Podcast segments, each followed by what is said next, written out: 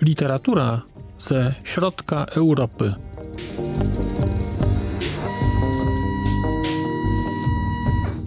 Podcast około książkowy.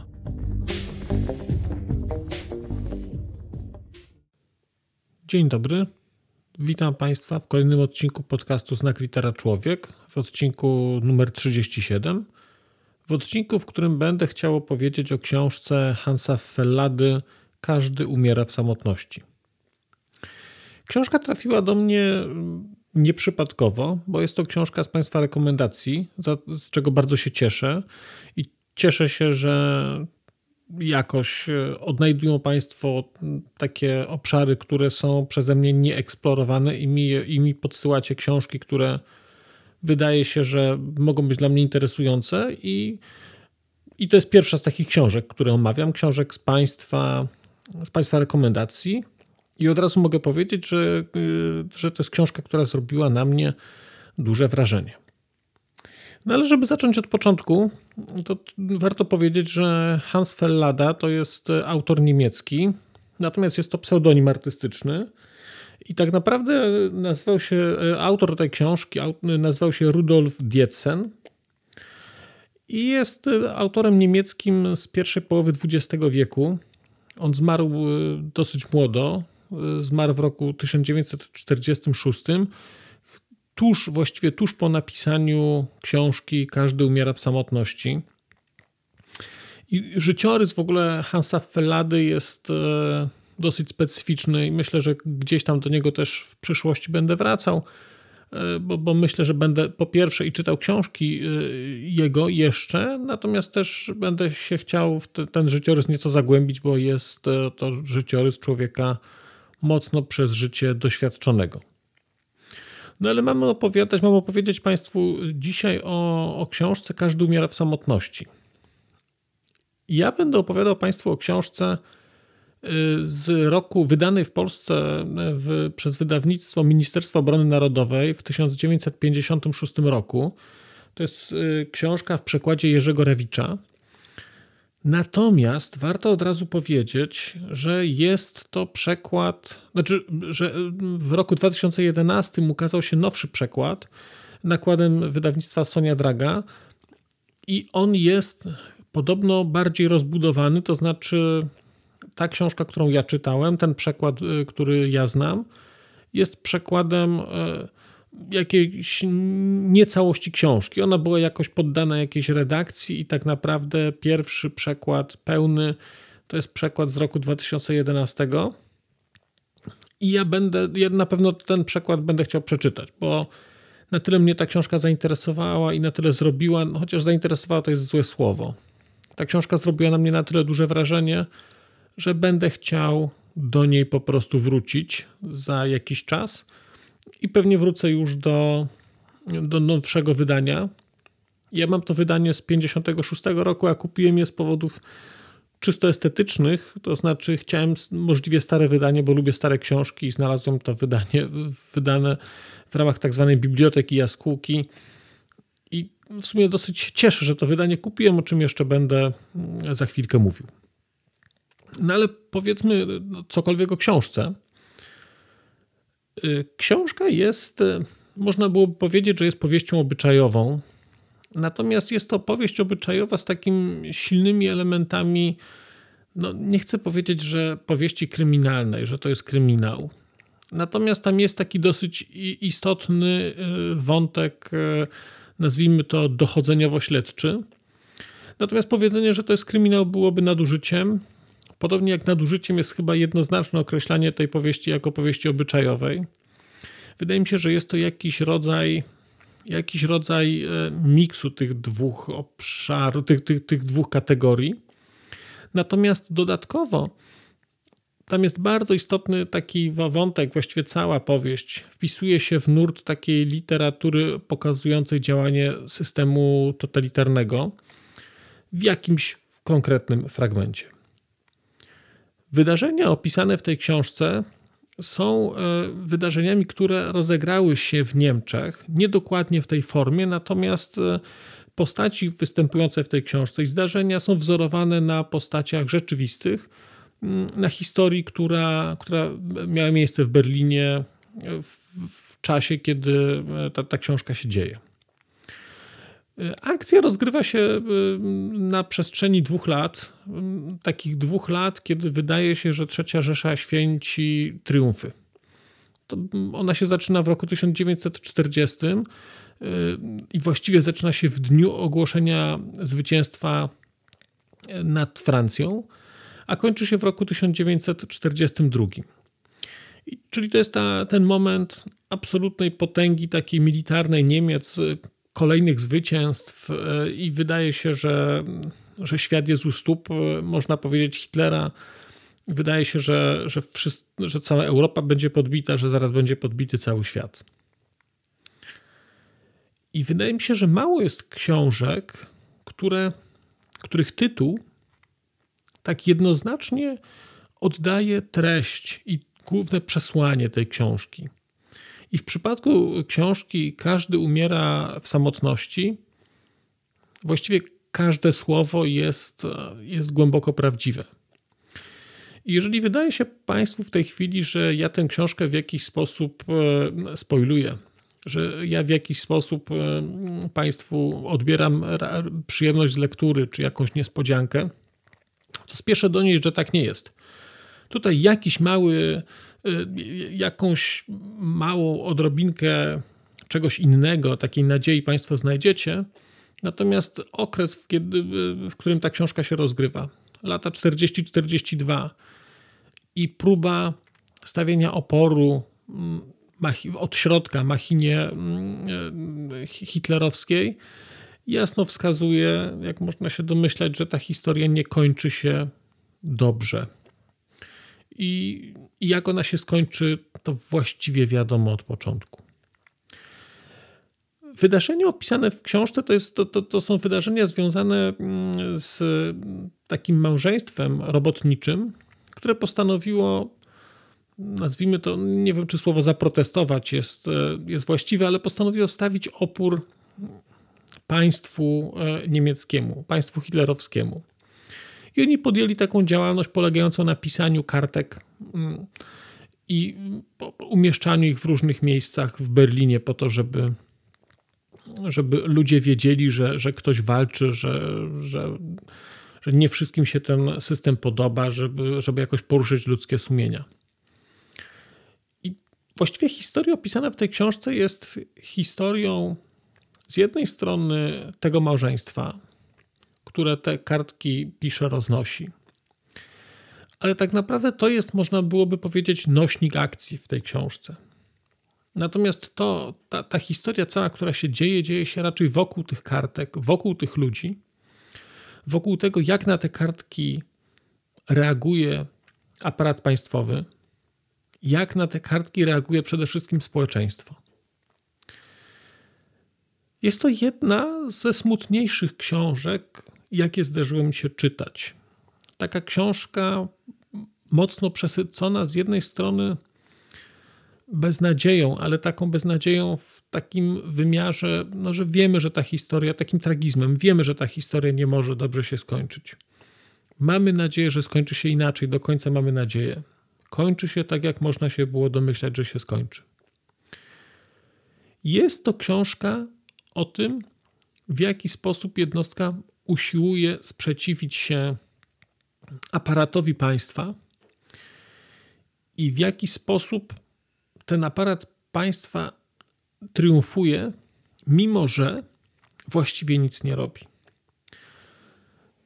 Nie będę Państwu opowiadał książki. Bardzo zachęcam, bardzo zachęcam do lektury, bo jest to rzecz e, naprawdę wyjątkowa. Natomiast zorientujecie się Państwo, że mm, to, co wydarza się i to, co jest najbardziej przerażające w tej książce, to nie działanie aparatu państwowego, które w przypadku III Rzeszy doświadczenia nasze w Polsce pokazują, że wiemy, jak ten aparat działał, i w Niemczech nie działał zasadniczo inaczej. On po prostu Miał pewne oczywiście odchylenie, no bo to nie był kraj okupowany, natomiast pewne mechanizmy były, były wspólne i działały tak samo tam, jak i tutaj. Natomiast to, co najbardziej w tej książce przeraża, to pokazanie tego, w jaki sposób wszystkie poprzednie lata sprawiły, że społeczeństwo zaczyna tracić swój e, społeczny charakter. Jak rozpadają się więzi, e, jak e, triumfuje strach, jak ludzie decydują się na świadome wycofanie w głąb siebie, jak bardzo przeżarci są obawą, strachem, niechęcią, jak bardzo zamykają się w sobie. Właściwie z każdą kartą tej książki odkrywamy coraz bardziej, jak bardzo pustoszące w dłuższej perspektywie był, był system totalitarny. I mówię tu system totalitarny, bo tutaj jest pokazana akurat trzecia Rzesza.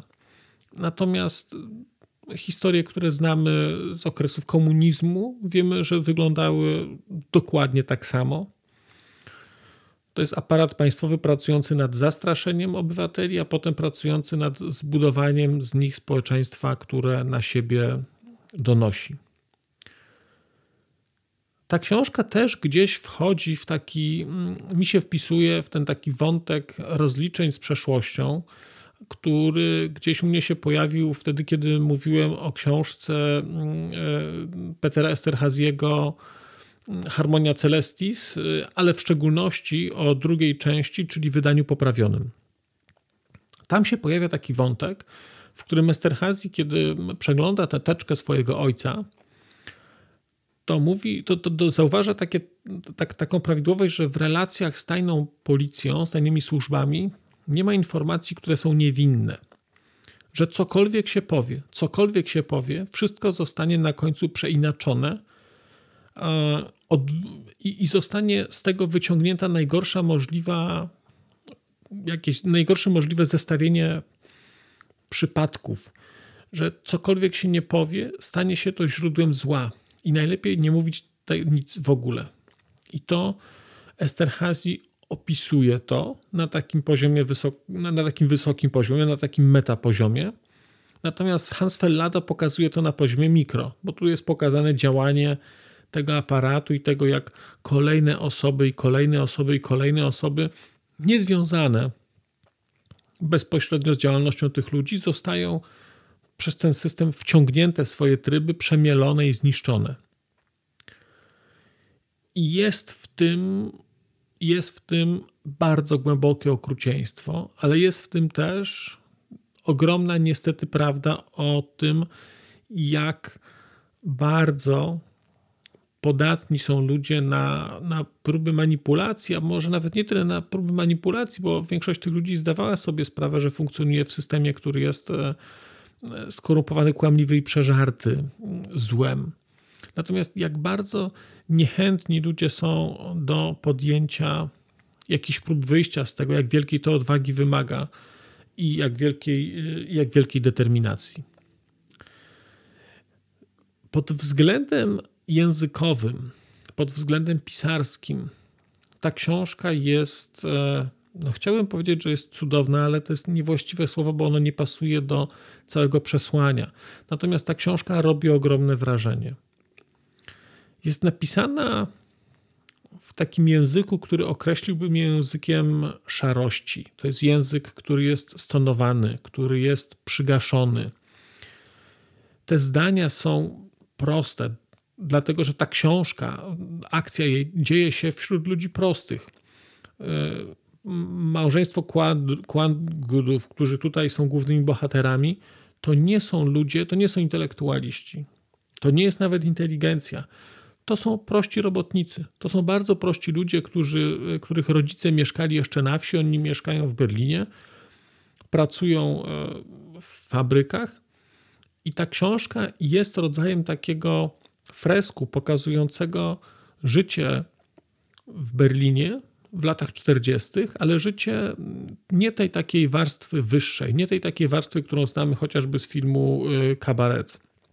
My tu widzimy życie robotników I to nie tylko e, głównych bohaterów, ale także pozostałe osoby, które w książce są pokazywane, czyli mieszkańcy tej kamienicy, przy, e, w której oni mieszkają razem. Też to są najczęściej ludzie prości, najczęściej e, taki nawet element, można by powiedzieć, szumowin trochę. To są prostytutki, to są alfonsi, to są takie, takie niebieskie ptaki obiboki E, cwaniaczki, e, dzieci ulicy. Dla mnie była to bardzo unikalna szansa spojrzenia na Berlin e, czasu wojny, którego nie znałem. Dlatego, że mniej więcej znam realia życia w Polsce w okresie okupacji. Można się domyślać, jakie były realia życia w Niemczech w okresie okupacji. Ja trochę bliżej je poznałem dzięki książce Berlin, o której kiedyś opowiadałem, Aleksandry Ricci ale to nadal był opis naukowy, to nadal był opis historyka, a tu jest opis literacki, który pokazuje jeszcze bardziej zmagania i cierpienia tych ludzi, którzy byli na dole, którzy na pewne rzeczy się nie godzili, ale którzy tak naprawdę byli trybikami w ramach państwowej maszyny i którzy tak naprawdę pracowali, byli niewolnikami na służbie, można byłoby powiedzieć. I teraz ta cała, to, to wszystko tworzy takie bardzo spójne doświadczenie, to znaczy ten prosty język, to takie, mówię, całe przygaszenie, to, to wszystko jest takie, mm, chciałbym powiedzieć brudne, ale to nie jest o, o brudzie językowym. To jest o tym, że to wszystko jest szare, to wszystko jest, e, to wszystko jest zgaszone, to wszystko, ta narracja jest taka niespieszna. I to wszystko ta, ta, właśnie taka delikatność językowa, niespieszność, e, szarość, e, takie rozmycie, to, to, to tworzy niesamowity kontrast, bo z jednej strony jest ten język i jest ten sposób pisania, który jest taki bardzo taki taki narracyjnie, nie chcę powiedzieć, że przyjemny, ale tak, no to się, do, to się dobrze czyta, to, jest nie za, to nie jest trudne, to jest w miarę lekko napisane całość jest przesycona jakimś rodzajem takiej melancholii. I ten jest gigantyczny, gigantyczny kontrast między tym, jak to jest napisane, a tym, co jest tam napisane. Bo mimo, że język jest stonowany, to wymowa to jest, można by powiedzieć, że to jest krzyk. Ta książka jest krzykiem niemocy, ta książka jest krzykiem, wołaniem o człowieczeństwo. Ta książka jest krzykiem o jakąś formę interakcji społecznej, której brakuje, o przyzwoitość. I właściwie każde, każde zdarzenie tej, tej książki wy, wybrzmiewa taką potrzebą, e, potrzebą ludzkości, potrzebą humanitaryzmu, a jednak tego nie ma. I to jest, i to, jest to, to, to w tej książce widać. Znaczy, widać ten rozdźwięk między tym, jak ona jest napisana, a tym, o czym ona mówi. Jak, w, jak, o jak poważnych sprawach, o najpoważniejszych sprawach można napisać w sposób taki bardzo stonowany, co jeszcze bardziej wzmacnia te, taki wydźwięk tej książki. U mnie było to jeszcze bardziej wzmocnione przez takie doświadczenie czytania, dlatego że ja tę książkę mam z roku 56. I to jest książka, która jest w stanie, no jak się na nią patrzy z zewnątrz, ona jest w stanie dobrym. Natomiast ona jest już mocno wypłowiała, mm, krawędzie jej się pękają od samego trzymania w niej. Więc jeszcze na dodatek miałem takie wrażenie interakcji e, z przedmiotem praktycznie z tamtych czasów, z przedmiotem, który też jest bardzo wrażliwy i który jest taki pękający, i który jest taki, taki ulotny, nikły. I, i, i czytając tę książkę, też mi to mi to jakoś wszystko razem grało. Wiedziałem, że muszę, że ta historia, która jest, jest tutaj o bardzo delikatnych uczuciach, a jednocześnie też miałem pękające kartki i też wiedziałem, że muszę je delikatnie przewracać i to, to wszystko tworzyło bardzo, bardzo wyjątkowe doświadczenie czytelnicze. Jest też e, książka Hansa Fellady dla mnie jakimś nawiązaniem do komiksu Jasona Lutesa e, Berlin, to właściwie trylogia berlińska, o której e, jakiś czas temu opowiadałem i wiem, że na pewno będę do tego komiksu chciał wrócić, bo i tak planowałem do niego wrócić, ale teraz mam mm, taki, taki bardzo unikalny berliński kontekst, który, który mi bardzo do tego pasuje, dlatego że też taka oszczędna forma tego komiksu, jego czarno-białość tutaj e, jakoś, jakoś mam teraz potrzebę do tego, do tego komiksu zajrzenia. Jak miałbym powiedzieć na koniec, to bym bardzo Państwa zachęcał do, do lektury tej książki. To nie, jest, to nie jest pisarz popularny chyba. Ta książka też wydaje się, że nie jest bardzo popularna. Jest znana, jak się wśród osób, które gdzieś tam interesują się literaturą, to wydaje się, że, że to, to nazwisko jest znane i ta książka jest znana. Natomiast wydaje mi się, że jest znana za mało. Wydaje mi się, że ta książka też nawet w obecnej sytuacji będzie miała, będzie miała nabiera nowego charakteru, chociażby przez to, nowego wymiaru, chociażby przez to, co się dzieje w Rosji. Kiedy zastanawiamy się, dlaczego ludzie nie buntują się przeciwko Putinowi, a nagrywam tę edycję 15 maja, czyli mamy wojnę, e, e, najazd Rosji na Ukrainę. I cały czas słyszymy opinie analityków, którzy mówią, społeczeństwo się zbuntuje. Mówili tak kiedyś, teraz mówią, społeczeństwo chyba się nie zbuntuje. Ta książka pokazuje mechanizmy, dlaczego prawdopodobnie społeczeństwo się nie zbuntuje. Pokazuje mechanizmy strachu, pokazuje mechanizmy rozkładu pewnych więzi społecznych, a weźmy pod uwagę tylko to, że wszystkie techniki śledcze, że, że, że poziom inwigilacji w, te, w tej chwili jest znacząco wyższy niż ten, który był, mm, który był w, w czasach II wojny światowej e, w, w Berlinie. Więc ta książka jest moim zdaniem nadal szalenie aktualna, bo pokazuje próbę starcia jednostki z systemem i wydaje mi się, że wydaje mi się, jestem przekonany, że do bardzo podobnych sytuacji dochodzi chociażby w tej chwili e, w Rosji, czy w dowolnym innym kraju, który jest krajem, który mm, o, charakterze totalitarnym czy totalizującym i, i który stara się zawłaszczyć człowieka do końca, do samej śmierci, bo to jest książka, bo, bo, bardzo silnym elementem w tej książce pokazanym jest prawo do wolności śmierci, do wolności wyboru momentu, w którym, w którym umrzemy. Hans Fellada, każdy umiera w samotności. Bardzo, bardzo mocno tę książkę Państwu polecam. E, bardzo wyjątkowa lektura, bardzo poruszająca, jednocześnie pięknie napisana jednocześnie też bardzo wciągająca, bo jak mówię, ona, jej siła tej literatury polega na tym, że mimo, że wiemy, jak to się skończy, to cały czas mamy nadzieję, że skończy się inaczej. Mm, no niestety nie kończy się inaczej, aczkolwiek małe jest tam takie źródło nadziei, jest tam taki, taki, e, takie ziarno, które, które gdzieś kiełkuje. Więc nie jest tak, że tam jest tylko zło, tam też jest na końcu coś dobrego i ta książka też pokazuje pewne pozytywne cechy ludzi i też są tam takie rzeczy, które potrafią zbudować. Z mojej strony tyle na dzisiaj. Bardzo Państwu dziękuję za uwagę i do usłyszenia za czas jakiś.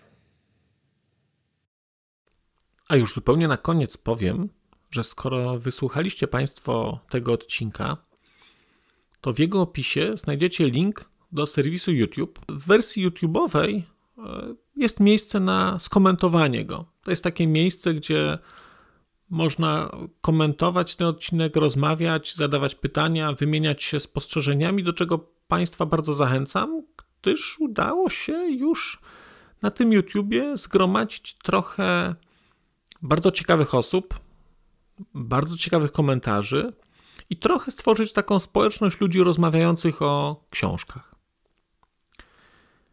Też na koniec, zupełnie na koniec, poproszę Państwa o wystawienie oceny mi w ramach e, tych platform podcastowych, na których Państwo tego odcinka wysłuchaliście.